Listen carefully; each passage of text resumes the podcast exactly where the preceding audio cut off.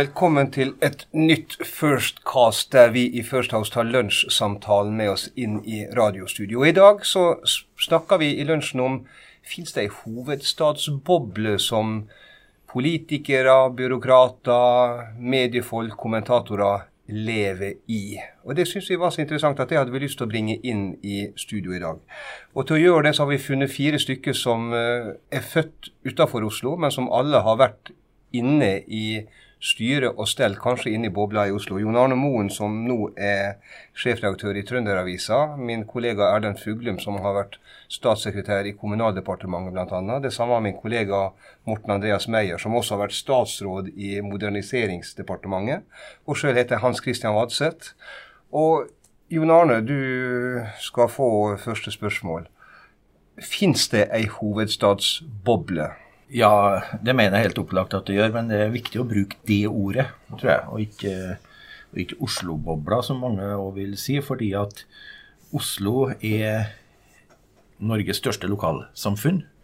Eh, men i det store lokalsamfunnet, i den byen, så har vi en annen boble som er knytta opp mot Oslo som hovedstad, og den bobla finnes definitivt. Hva er det som kjennetegner den bobla? Det som kjennetegner den, eh, når jeg nå ser den fra utsida, etter å ha vært delvis i den bobla i mange år, det er at det er folk som på et eller annet vis eh, har enten formell myndighet eller uformell påvirkning til å være med å styre hvordan det tenkes om Norge, om det norske samfunnet. Altså det vi kaller definisjonsmakt, med et litt fint ord. Det er politikere, det er embetsverk, det er særinteressegrupper, journalister. Eh, sånne som oss, men som da har en rolle i det miljøet som er med å bestemme hvordan Norge skal være. Morten Andreas, du er fra Hamar. Eh, men har du vært en del av altså Fins denne bobla, har du vært en del av henne? Ja, den bobla fins, og jeg er helt enig med Jon Arne. Det er Innenfor den bobla så finner du grupper som forsøker å fremstille det slik at de skal være motsetninger til hverandre og være korrektiv til hverandre. Og de forsøker sikkert helhjertet det, eh, men samtidig så lever de i den samme bobla og etablerer den samme virkelighetsforståelsen. Eh, og når du ser verden fra det samme ståstedet, så tror jeg du også samtidig mister muligheten til å stille de nødvendige kritiske spørsmålene og faktisk være det korrektivet til makta som ikke minst eh, media og journalister forsøker å være.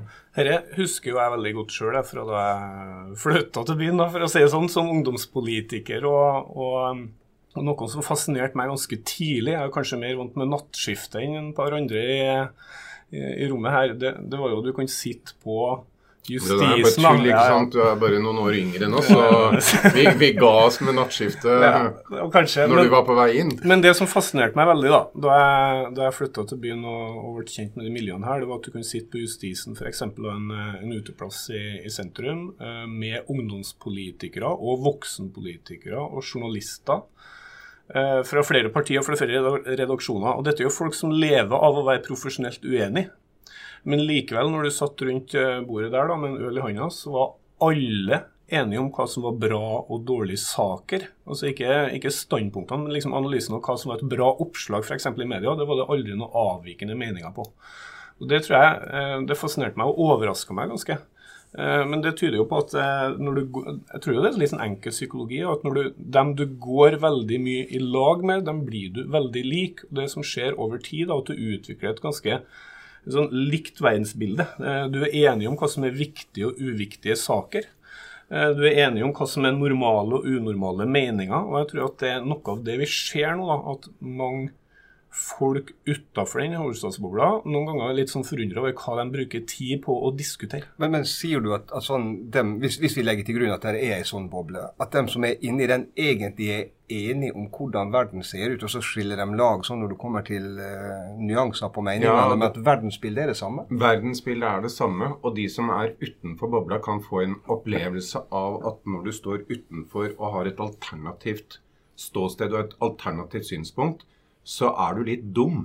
Mm. Uh, og blir stående litt utenfor og ikke tør å hevde de standpunktene. Fordi de menneskene som er i denne bobla, det er, det er på en måte det vi beskriver som eliten. Mm. Uh, og de som uh, på mange måter fremstår som de intellektuelt beste. Og for oss som står utenfor, så blir det en barriere å utfordre den. Også fordi at det er så tungt, det er så sterkt. ikke sant? Altså Når politikere, når embetsverk, når tankesmier, når journalister, når kommentatorene stiller opp og har den samme virkelighetsforståelsen, det samme verdensbildet, da skal du jo være modig for å utfordre det ståstedet de har. Men Jon Arne, både, både du og jeg har vært redaktører i aviser utenfor hovedstaden. Og vi vet at det å være redaktør lokalt, da er du somebody. Da er du noe. Men, og Jeg kjenner deg som en, en god journalist, en god redaktør. Men hvor ofte har du vært i Dagsnytt 18 som redaktør i Trønderavisa? Ja, jeg blir kalt dit når det er et eller annet kuriøst utenfor Oslo som skal forklares. Eh, det er Heimbrent og ulv og sånne greier? Heimbrent og rovdyr, det er jo en gjenganger. Og hvis eh, f.eks. Senterpartiet gjør det uvanlig mm. godt på meningsmåling, for noen år siden hvordan man ikke gjorde det så godt på målingene, så ringte man gjerne en trønder for å forklare hvordan i all verden dette kunne henge sammen. Mm. Det er en veldig god beskrivelse av hvordan bobla virker. Fordi Eh, det er som Jon Arne sier, eh, ulv og hembrent. Da er det en trønder. Men når du skal ha den mer overordnede politiske analysen i Dagsnytt 18, innkaller Fredrik Solvang de kommentatorene og de journalistene som ligger innenfor bobla. Da er det Ketil Alstaheim, da er det Fridtjof Jacobsen, da er det Hanne Skartveit. Jeg hadde en, Min mest spesielle erfaring med det var da jeg for noen år siden ble bedt om å delta i programmet til Ole Torp. Uh, på, var med på linje fra Trondheim. Uh, og han hadde helt opplagt ikke helt fått med seg uh, min rolle i dette her. Og da var det et stridsspørsmål som gjaldt politikken. Og han startet med å spørre hvilke personlige bånd jeg hadde til Senterpartiet. For han hadde da oppfatta at jeg jobba i avis som for 25 år siden var Senterparti-avis. Så han trodde på direkten at jeg var dratt inn som på en måte representant for en partipresse som var nedlagt et kvart århundre før. Og det sier noe om virkelighetsoppfatningen i den bobla her. Men det er jo et annet bilde på den, den nærsyntheten, vil jeg kalle det kanskje, da, som kan oppstå i, i det miljøet her. Det er jo, um, hvis du ser på dekninga i Dagsrevyen, det har jo vært skrevet en del om i, i vinter, faktisk. Uh, det er flere andre redaksjoner um, utafor hovedstaden da, har ettergått litt og, og sett på Dagsrevyens dekning. For Dagsrevyen og NRK har jo ganske store budsjetter og et nett der de har mange lokalsendinger. Og Dagsrevyen er jo den største og viktigste nyhetsflata eh, vi har i Norge, som, liksom, som dekker hele landet. Og de har folk ute der, og likevel velger redaksjon i NRK Dagsrevyen eh, svært sjelden å ta inn nyheter utafor Oslo. Eh, jeg har ikke tallene foran meg nå, så jeg ser ikke opptellinga, men det var jo eh, eksempler på at det var inngått milliardkontrakter som berørte hundrevis av arbeidsplasser.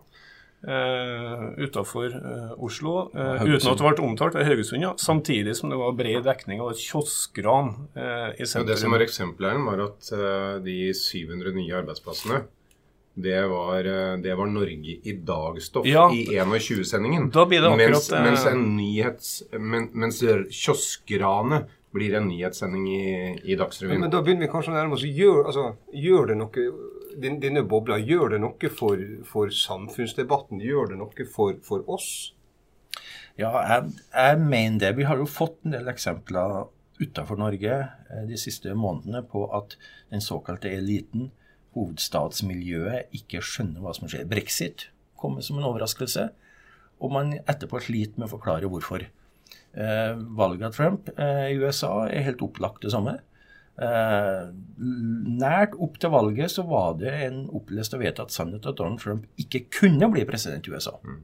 Det var en umulighet. Og eh, ganske samstemt eh, amerikansk presse, politikere, tenketanker osv. var enig i den virkelighetsforståelsen. Men, men la oss da ta det inn i stortingsvalget. Ja. Kan, kan, vi, kan, vi, få en brexit-effekt, en Trump-effekt, når vi kommer til stortingsvalget? Jo, vi har jo hatt det i Norge. Vi kan jo si at, at EU-avstemminga eh, for noen og 20 år siden var det. På mange måter. ikke sant? Altså, Oslo-miljøet klarte ikke å skjønne fullt ut hva som rørte seg utafor. Eh, og man, man, kan nok kanskje se hva som skjer, men man skjønner ikke helt hva som fører til at det og det skjer. Uh, ja. Jeg syns jo at eh, kanskje enda mer aktuelt eksempel på det er eh, den debatten som har rasa de siste månedene knytta til ulveforvaltninga, rovviltforvaltninga. Hvis vi på en måte kan bare legge til side hva du mener om saka, men jeg syns regjeringa håndtering av saka er et eksempel på at de heller ikke skjønner helt hva som rører seg ut der. Eh, det ene er at Vidar Helgesen uh, synliggjør at han ikke er parlamentariker og, og har håndtert Stortinget litt uh, usmart. Det kunne vært gjort smartere, tror jeg, men det, det, er en sidesak nå. Det andre er hvis statsministerens kontor hadde skjønt hvor potent den saka var i utgangspunktet, så de håndterte den annerledes fra starten av, og det hadde sikkert fortsatt vært demonstrasjoner og misnøye med med det som ble gjort. Men måten den saka ble håndtert på fra regjeringa, fra departementets side, tyder på at de kraftig undervurderte eh, potensialet i det. Og det tror jeg handler ikke så mye om rovdyr, men det handler nettopp om det her at folk eh, utafor denne eh, elitebobla da, eh, opplever at de som bestemmer, ikke eh, forstår dem. Men Nå, nå tøyer jeg det kanskje litt for langt, men, men er, det, er, det, også det vi har sett i kommunesammenslåingsdiskusjonene? At det som ser fornuftig ut fra Oslo, ser annerledes ut fra jeg, ikke, jeg, altså, uh, jeg forstår hva Erlend sier, men, men, jeg mener at uh, utenfor bobla finner du masse folk i Oslo Eh, som ikke har veldig interesse for, eh, for ulvesaken eller for eh, kommunestrukturdebatten, mm. men som ikke har anledning til å delta i den bobla, som aldri blir invitert inn, som også har en helt annen oppfatning om hvordan hverdagen og virkeligheten til hverdagsfolk i Norge faktisk er. Så jeg tror vi skal være forsiktige med å liksom si at dette er en sentrum-periferi uh, utfordring, men det er mer hvem er det som er innafor bobla. Men, og, men de, de, tilhører hovedstadsmiljøet. Men det er masse folk i Oslo og i Oslo-omgivelsene som står utafor den bobla, og som er, kall det, likere eh, folk i Trøndelag enn en, en for, folk innenfor den der hovedstadsbobla.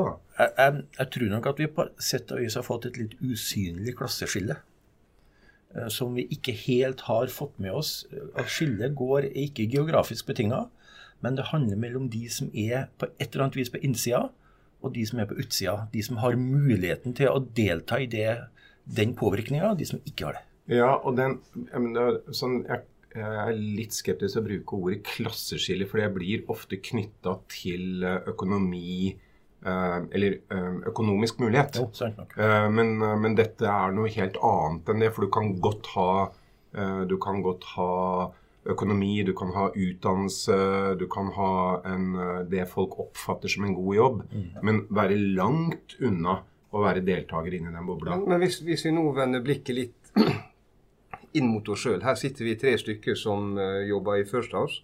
Eh, som ofte jobber opp mot disse prosessene. Du, Jon Arne, som er mediemann med, med mange kontakter inne. Vi, driver vi nå litt en, en metadiskusjon? fordi egentlig så er vi en del av bobla sjøl? Ja, vi, sikkert folk som vil mene det. Kan godt hende det er, eh, kan godt hende det er uh, riktig også. Men da er det vel i hvert fall et steg på veien at vi erkjenner det og tar, tar debatten både ved lunsjbordet og inn i studio. Jeg tror det skal få lov over siste ord. Takk til Jon Arne Moen, takk til Erlend Fuglum, takk til Morten Andreas Meyer. Og følg oss gjerne videre også på Firstcast.